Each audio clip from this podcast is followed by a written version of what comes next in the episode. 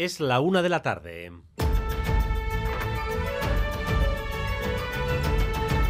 Crónica de Euskadi con Dani Álvarez. A Rachaldeón, el nuevo gobierno de Pedro Sánchez está diseñado para frenar la ofensiva derechista y dialogar mucho, a todas horas, con los múltiples socios a los que hay que satisfacer.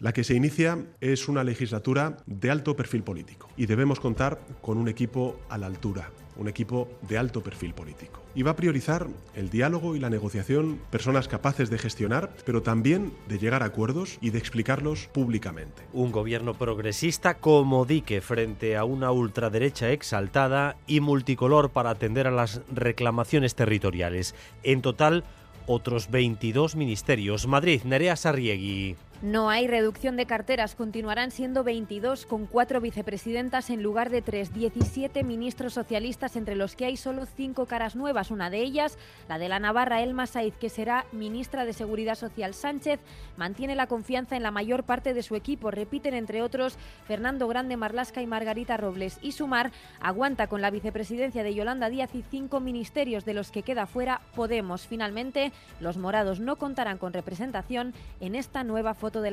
Enseguida hacemos un análisis del gobierno, del nuevo gobierno de Pedro Sánchez, pero antes... Atención también a esto. En Euskadi, Euskal Herria Bildu aumenta la presión en la recta final del debate de la ley de educación.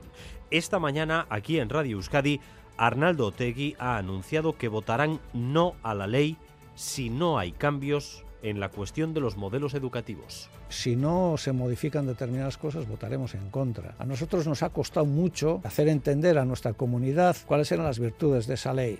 Lo hemos conseguido, teníamos un buen proyecto y al final en ese acuerdo se han introducido determinadas enmiendas que desde nuestro punto de vista no tienen mucho sentido porque desvirtúan el carácter de la ley, la naturaleza de la ley y los objetivos de la ley.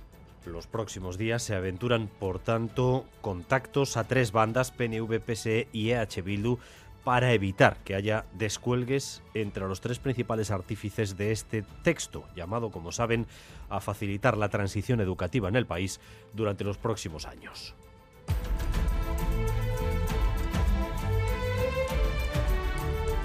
En Argentina se confirma el terremoto político. El populismo alcanza el poder en otro país relevante de América Latina que parece abonada a los personajes histriónicos.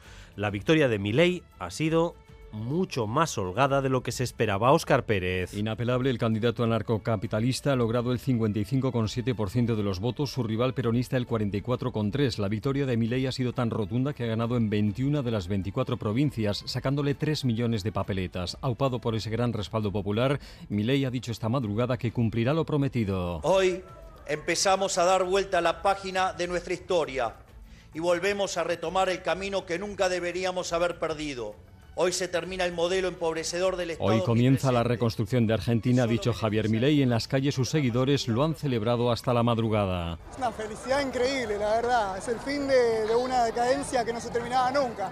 Que entra por una puerta, salen por la otra los ladrones y la gente... Milei va a asumir un gobierno con una tarea descomunal, acabar con la inflación del 142% y con la pobreza que afecta al 42% de los argentinos. Shakira actualiza su servicio de lavandería. Admite que defraudó a Hacienda y pagará una multa para evitar una condena de cárcel a Negoñi. Sí, incluso actualizando su discografía, podemos decir eso de que...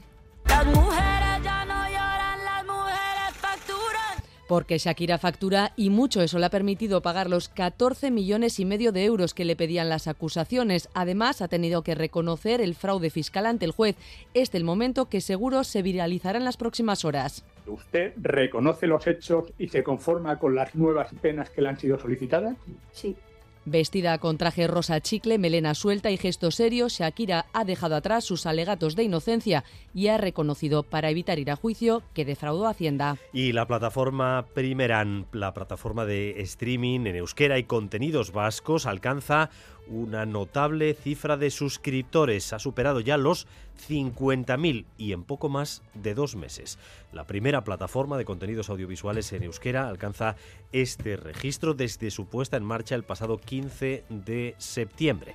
Ya saben que cada semana se estrenan ahí nuevos contenidos, cine, documentales, series de producción vasca e internacional y contenidos creados en exclusiva para la plataforma. Ya son más de 50.000 en Primeran. Y Cinexit, la muestra de cine y derechos humanos de Bilbao, comienza hoy su edición número 13.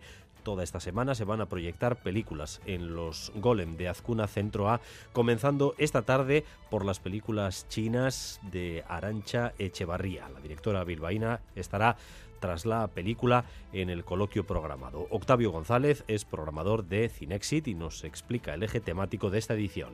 En esta edición de Cinexit abordamos la idea del hogar, de lo que éste simboliza como derecho, como centro de identidad y de dignidad. Presentamos historias en las que contemplamos también las consecuencias del abandono forzoso de ese centro vital, el merodeo asustado por un mundo hostil, y vamos también con lo más destacado del deporte con César Pérez Gazolaz. Arrachaldeón, César. Arrachaldeón, Dani. Altuna y su entorno saborean su cuarta chapela del 4 y medio y ganaban a P. Echeverría en el frontón Vizcaya. Se quedó en nueve de esa noche en una participación que no estuvo a la altura de lo que había sido todo su campeonato. Ahora pendientes del hombro de Altuna, si va a jugar o no el Parejas. Lo hará seguro cuando se va a incorporar cuando el torneo esté ya más avanzado. Comienza el Parejas este próximo viernes. En cesta, esta tarde se juega la cuarta jornada del Winter Series en el High de Guernica. Arbe Mancisidor, que se metieron en el torneo después de ganar el torneo previo contra Erquiega y John Ibarlucea.